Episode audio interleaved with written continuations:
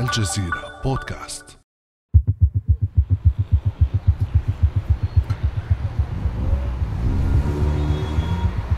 في غضون ثوان معدودة خرجت جميع محطات الوقود الإيرانية عن الخدمة واكتظت الشوارع المحاذية لهذه المحطات بطوابير السيارات المصطفى لمسافة عشرات الأمتار والسبب هجوم سبراني استهدف نظام التزود بالوقود الإلكتروني. شكل جديد من الحروب لا رصاص فيها ولا انفجارات ولا قتلى أو إصابات. والصادم أن كل إحدى عشرة ثانية يحدث هجوم سبراني في مكان ما حول العالم بفيروسات صغيرة تختفي بسرعة البرق. هجمات تباغت حواسيب منشآت عسكرية ومدنية حساسة مسببة خسائر مادية كبيرة من المتوقع أن يصل حجم هذا العام إلى ستة تريليون دولار أي ما يفوق حجم خسائر كوارث طبيعية كبيرة وفق موقع تيك نيوز وورد حروب سبرانية فضاؤها مفتوح ولا تستثني حتى كبرى دول العالم وفي مقدمتها الولايات المتحدة الأمريكية التي تعرضت لهجوم سبراني في يوليو الماضي عطل مواقع وشبكات أكثر من ألف شركة أمريكية. فتوعد الرئيس الأمريكي جو بايدن بالرد. لست متأكدا إن كان الروس وقد تلقيت إحاطة بالطائرة الرئاسية حول الموضوع. ولهذا تأخرت في النزول. لا نعلم من يقف وراء الهجمات. أمرت بتوفير الدعم الحكومي اللازم للرد. كما طلبت من أجهزة الاستخبارات تقديم معلومات بشأن ما حصل. وسأطلع غدا على معطيات أكثر. سنرد إن كانت روسيا تقف وراءها. لكن المعطيات الأولية لا تشير إلى روسيا غير أننا لسنا متأكدين بعد فما هي الحروب السبرانية؟ ولماذا تتسارع الدول لحشد جيوشها الهجومية والدفاعية من القراصنة والمبرمجين؟ وكيف ستؤثر الهجمات السبرانية على شكل الصراعات العالمية مستقبلاً؟ وكيف ستنعكس على القطاعات الحيوية المدنية من خطوط الطيران ومحطات القطارات والمستشفيات ومؤسسات الخدمة العامة.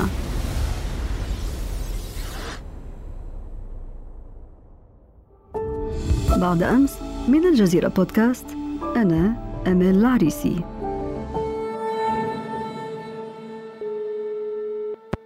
ويسعدني أن أستضيف معي في هذه الحلقة الدكتور بن أحمد حوجة أستاذ علم الاجتماع السياسي في جامعة سيدي محمد بن عبد الله في المغرب والأستاذ متخصص في قضايا الاضطراب السياسي بالشرق الأوسط وشمال أفريقيا.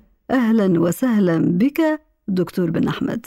شكرا جزيلا لك وشكرا للجزيرة على هذه الاستضافة لمناقشة موضوع مهم موضوع يلعب دورا كبيرا في الاضطرابات وعدم الاستقرار خاصة في منطقة الشرق الأوسط وشمال إفريقيا وأكيد أنه يضرب أيضا في جغرافيات سياسية مختلفة كالولايات المتحدة وأوروبا وغيرها. بداية دكتور بن أحمد ما المقصود بالحروب السبرانية؟ الحرب السبرانية أو الحروب السيبرانية هي نموذج من الحروب أو نموذج من الحرب التي تستعمل الفضاء الرقمي والإلكتروني والسيبراني هي كلمة تفيد معنى التحكم الآلي. وبشكل أكثر إجرائية السيبراني تعني ذلك الفضاء الذي يتشكل من مجموعة من الشبكات المحوسبة. وبناء على ذلك يمكن القول بأن الحرب السيبرانية بأنها تفيد مجموعة من عمليات الاختراق التي تتعرض لها شبكات الحواسيب. في المجالات العسكرية الأمنية الاقتصادية لدولة ما من طرف جهات معادية. تستعمل التكنولوجيا الخبيثة الفيروسات البرمجيات المعلوماتية المدمرة. وتنطوي الحرب السيبرانية. أيضا إضافة إلى هذا المعنى التقليدي إلى عمليات التضليل المعلوماتي وتزييف الأخبار والسيطرة الاستبدادية على الفضائل الإلكترونية وقضايا المراقبة إلى غير ذلك من هذه الديناميات السيبرانية. جميل دكتور بن أحمد أن وضعتنا في صورة مفهوم الحرب السيبرانية هذا المفهوم الذي يبدو معقدا ولكن دعنا نوضح أيضا متى بدأت هذه الحروب ومن أين جاءت. في الواقع من الصعب جدا تحديد نقطة انطلاق هذا النوع من الديناميات السيبرانية الخبيثة. ولكن يمكن القول بأنه منذ ما يقارب عشر سنين أو خمسة عشر سنة بدأت هناك بعض الاختراقات لمجموعة من البرائد الإلكترونية لمجموعة من الشخصيات وبدأت هجومات على بنيات حيوية بنيات وهياكل بنيوية حيوية في مجموعة من الدول ويختلف الفاعلون. فهناك الدول وهناك القراصنة المحترفون وهناك العاملون بالوكالة إلى غير ذلك. إذا يمكن القول بأن هذه الحروب قد بدأت تظهر منذ ما يقارب عشر سنوات أو خمسة عشر سنة على أكثر تقدير يعني منذ أن بدأ الإعلام يرصدها وكذلك الأخبار التي يدلي بها صناع القرار عبر العالم. وكيف تطورت هذه الحروب دكتور بن أحمد تقنيا؟ ثمة اليوم نفير عام بوجود خطر محدق لم يتوقف في بعض من جوانبه عن الوجود بالقوة ولكن انتقل إلى الوجود بالفعل. فهذه الحرب الخبيثة عادة ما تجري في صمت ولا تحتاج إلى إعلان رسمي. ودون الدخول في التفاصيل التقنية يمكن القول بأن هذه الحرب تنطوي على أنواع مختلفة من الهجومات الضارة. فهناك إرسال الفيروسات والديدان الإلكترونية والشفرات الخبيثة إلى الأنظمة الحاسوبية التي تتحكم في عمليات الإنتاج الطاقي والكهربائي والمعلوماتي. وهناك الهجومات الاحتيالية التي تستعمل البريد الإلكتروني للوصول إلى معلومات هامة. أسرار تجارية مثلا معطيات استخباراتيه يمكن بيعها بالثمن وهناك هجمات يعني ما يسمى بهجمات تصيد الحيتان حيث يركز القراصنة على الشخصيات البارزة والنافذة من خلال اختراق حساباتهم البريدية. ومن الناحية العسكرية يمكن القول بأن ثمة نمطان يعني من التقنية في هذا المجال. هناك نمط من الهجومات غير المباشرة من خلال إرسال الفيروسات إلى مراكز الإنتاج الطاقي أو الهجوم مثلا على المنشآت النووية أو ضرب القنوات الإخبارية والإعلامية إلى غير ذلك. ولكن من جانب آخر من الناحية العسكرية هناك استعمالات يعني وإن كانت محدودة النطاق لحد الآن استعمال الطائرات الدرونز الذكية مثلا لضرب المنشآت الاقتصادية خاصة كما جرى في الشرق الأوسط. وكذلك من أجل اصطياد المعارضين الذين تعتبرهم بعض الدول مثل الولايات المتحدة الأمريكية مثلا تعتبرهم كإرهابيين فيتم اصطيادهم. تحدثت دكتور بن أحمد عن كلمة مفتاحية في إجابتك. وهي أن هناك سوق سوق لهذه الحروب السبرانية. من أبرز الفاعلين فيها؟ نعم اذا يتعلق الأمر بسوق سبرانيه بهذا المعنى. فهناك من جهة فاعلون دوليون. وهناك فرسان بالوكالة وهناك قراصنة منشقون ثم هناك منظمات إرهابية وهناك أيضا شركات متخصصة للتأمين السيبراني. لذلك يمكن القول بأن الحرب السيبرانية هي عبارة عن ترتيب متكامل. تشمل التبادل وتشمل الهجومات وتشمل التعاون وتشمل الرد أو الرد غير المباشر إلى غير ذلك من العناصر التي تندرج في هذه السوق السيبرانية. استنادا لكل ما ذكرته دكتور بن أحمد تحدثت عن سوق عن تقنيات جديدة عن فاعلين مختلفين في هذه الحروب السبرانية. هل نحن أمام شكل جديد للحروب التقليدية؟ من ناحية معينة صحيح فالحرب تتأثر بالتقنية ويمكن القول أيضا بأن الحرب هي الدافع الرئيسي للتطور التقني. وثمة اختلاف جوهري يعني بين الحرب التقليدية والحرب السيبرانية على الأقل من زاوية الشكل والوسائل. فالحرب السيبرانية كما يقول الخبراء هي حرب المقاتلات الذكية حرب الروبوتات والأسلحة الدقيقة والدبابات المحكومة بالذكاء الاصطناعي. وهي حروب صامتة. بالطبع لا نسمع فيها ضجيج الأسلحة وصوت البنادق ولكنها مدمرة ويقودونها تقنيون يشتغلون من وراء الحواسيب من خلال خوارزميات دقيقة إلى غير ذلك. وفضاءات الحرب السيبرانية ليست هي الحدود التقليدية والمواقع المعهودة ولكنها تتوجه إلى تخريب أجهزة التحكم والضبط في الفضاءات الحاسوبية للمؤسسات الحيوية للدول الأعداء. على المستوى السياسي أعتقد بأن الحملة على وسائط التواصل الاجتماعي التي سبقت حصار قطر قد جسدت مثالا على البعد السياسي للحروب الإلكترونية ويتجلى ذلك في التلاعب بالمشاعر السياسية للجماهير وتأليب الرأي العام وتفعيل الدعاية المغرضة من أجل تهديد الاستقرار السياسي لبلد معين. وما أدوات هذه الحروب السبرانية دكتور بن أحمد؟ نعم لقد سبقت أن تحدثت عن مختلف أنواع الهجومات ولكن أود في الواقع أن أركز على برامج الفديه أو فيروسات الفديه وهي كانت منتشرة للغاية في الممارسات السيبرانية في العقد الأخير. يتعلق الأمر ببرمجيات خبيثة تمنع الضحايا من الوصول إلى بياناتهم ويتم تهديدهم بتدمير تلك المعطيات ما لم يدفعوا مبالغ مالية أو أشياء ذات قيمة مقابل استعادة الوصول إلى معطياتهم. وقد أفلحتم في تزويد المستمعين بالإحصاءات المتصاعدة لهذا النوع من الهجومات الإلكترونية. وعادة ما يستعمل فيها فيروس يسمى حسام طروادة الذي يتم بموجبه إرسال بيانات متخفية في صيغة ملف عادي من أجل منح الضحية من التواصل مع معطياته وفي نظري أعتقد بأن هذا النموذج يمثل نوعا فجا من الابتزاز الإلكتروني واللصوصيه الجديدة العابرة للأوطان وهو ما يتطلب نوعا ذكيا وصارما من التعاون الدولي لحماية الأفراد والمؤسسات من هذه الجرائم المجهولة المصدر غالبا. على ذكر التعاون الدولي وحماية المستهدفين بهذه الحروب السبرانية دكتور بن أحمد، هل هناك قوانين بالفعل موجودة وتشريعات؟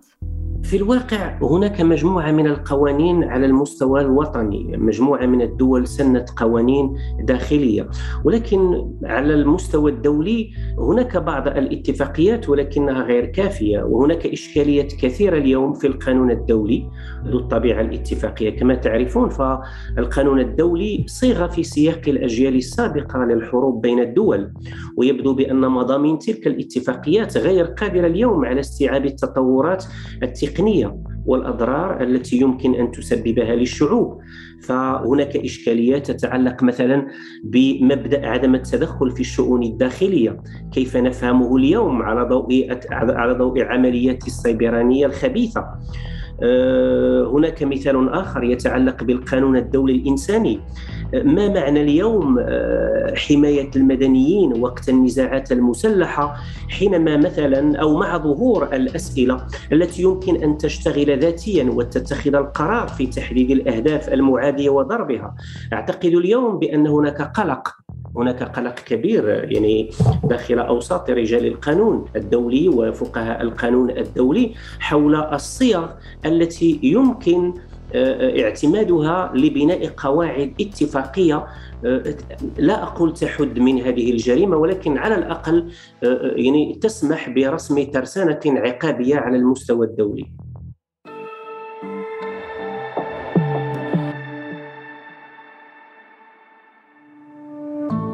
ابقى على تواصل مستمر مع الجزيرة بودكاست ولا تنسى تفعيل زر الاشتراك الموجود على تطبيقك لتصلك الحلقة يومياً.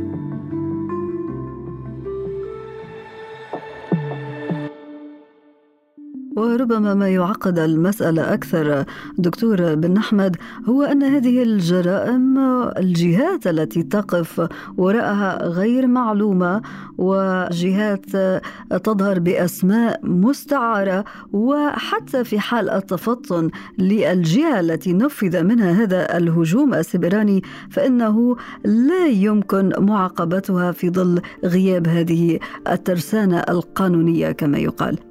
نعم صحيح صحيح. وهنا في إطار كلامك في هذا السياق يطرح مشكل المسؤولية. يعني ما ما دامت هذه الجرائم مجهولة المصدر؟ فمن هو المسؤول؟ وتعرفين جيدا بأنه المسؤولية هي ركن أساسي في القانون الدولي وكذلك في القوانين الوطنية. بالفعل. وهذا يقودنا دكتور بن أحمد للتساؤل عن تداعيات هذه الحروب السبرانية. ما كلفتها على المستوى العالمي وما موقع الدول العربية في هذه الهجمات السبرانية؟ نعم في الحقيقة أود أن أحكي لكم قصة ترجع إلى سنة 1983 لكي نتعرف على خطورة هذا النوع من الاتجاه الذي تسعى فيه التكنولوجيا السيبرانية.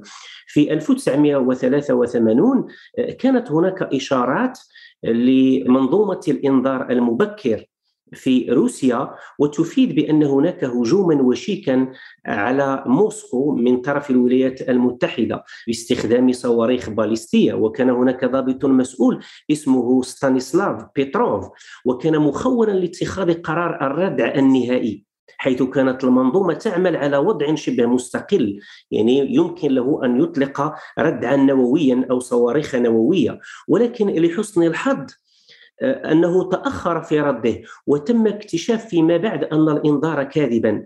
آه، تصوروا لنتصور معا لو كانت لو كانت الآلة هي من تأخذ القرار آه، أين كان سيصير العالم؟ وأعطيت هذا المثال لكي أبين خطورة الأسلحة آه، ذات التشغيل الذاتي والتي يمكن أن, أن تشتغل في استقلالية تامة عن الإنسان. ويمكن لنا في هذا الإطار أن نعي مصير البشرية والإنسانية في قبضة المقاتلات الآلية والروبوتات والطائرات التي تشتغل بشكل تلقائي. هذا من ناحية الحروب العسكرية.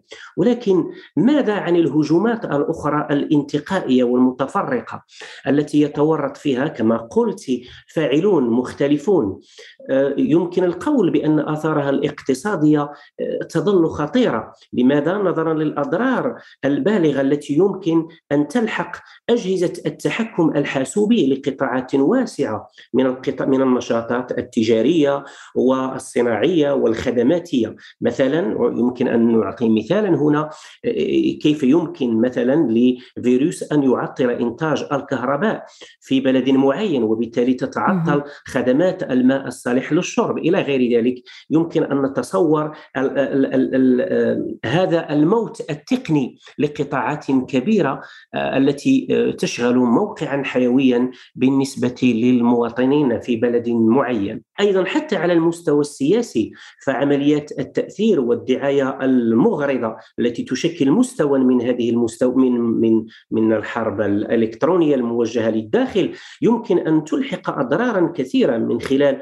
مراقبة سرائر الأفراد كما نلاحظه في العديد من الأنظمة السلطوية. برأيك دكتور بن أحمد هل الحروب السبرانية آه، تعني الهروب من المواجهة العسكرية أم أنها تدفع باتجاهها؟ أظن بأن الحرب ستصبح أقل ترتيبا وأقل تمركزا من الناحية المجالية. ستكون حربا لا إقليمية بمعنى حربا لا نستطيع أن ندري بالضبط من أين تأتي الهجمات.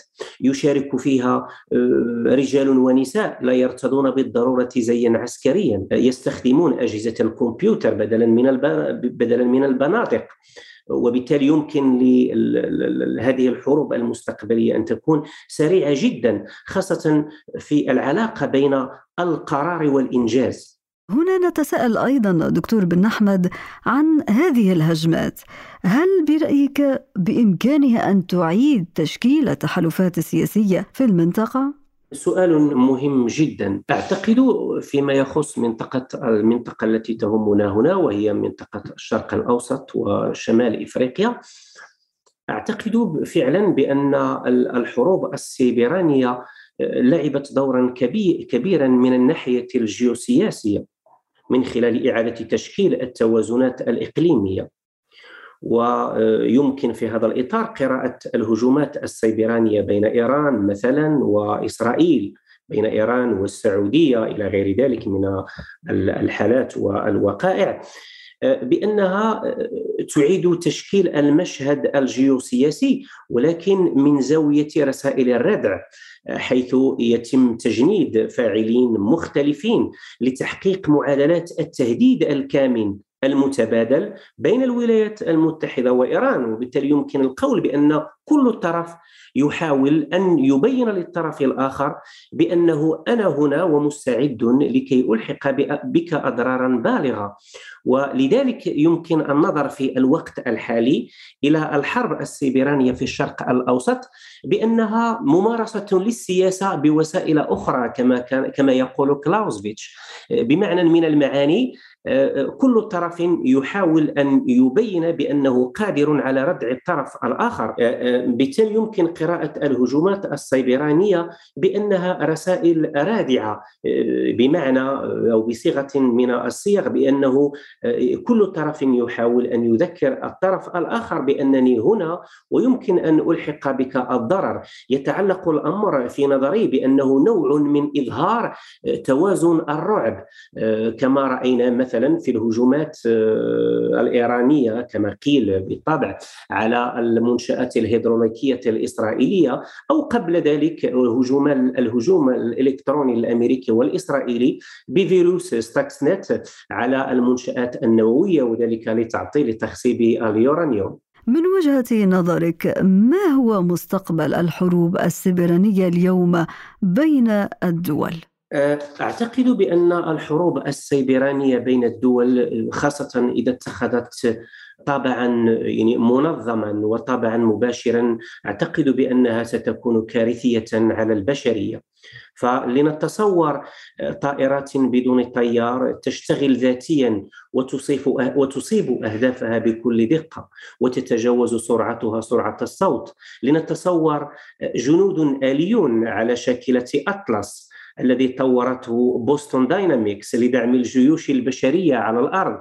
ونتصور أيضا آه، جنود بشريون يعني مهيئون وراثيا والكترونيا. إنه عصر الموت التقني. ومما لا شك فيه أن الحرب السيبرانية المدعومة بالذكاء الاصطناعي تسير في تساوق كبير مع النفس الإمبراطوري الذي يميز العالم اليوم. ولا يرتبط هذا النفس الإمبراطوري بالولايات المتحدة آه، فقط ولكنه ينطلق ينطبق أيضا على الصين وينطبق على روسيا. فالسياسة العالمية اليوم فهي سياسة لا إقليمية ولا مركزية ولا مجالية. بمعنى ليست متركزه مركزة في مجال معين تهاجم منه أو تنطلق منه. آه، يميز ذلك الرأسمال أيضا كما لاحظنا. إذا نفس الشيء يتعلق بالسياسة الاقتصاد والتطور التقني. آه، مقومات آه، يمكن القول عنها بأنها مقومات لا إقليمية بمعنى تتحرك بشكل بشكل سائل. إنه نموذج من الشر السائل كما يطلق عليها بومان سيغمونت بومان هذا النعت. اذا دكتور بن أحمد حروب سبرانية قد تغير شكل الحروب التقليدية وتغير حتى من المعادلات والتحالفات السياسية بين مختلف الأطراف المتصارعة وذلك كله كما ذكرت وسط سوق الفاعلون فيها كثر وتداعياتها خطيرة جدا. الدكتور بن أحمد حوجة أستاذ علم الاجتماع السياسي في جامعة سيدي محمد بن عبد الله في المغرب والمتخصص في قضايا الاضطراب السياسي بالشرق الأوسط وشمال أفريقيا.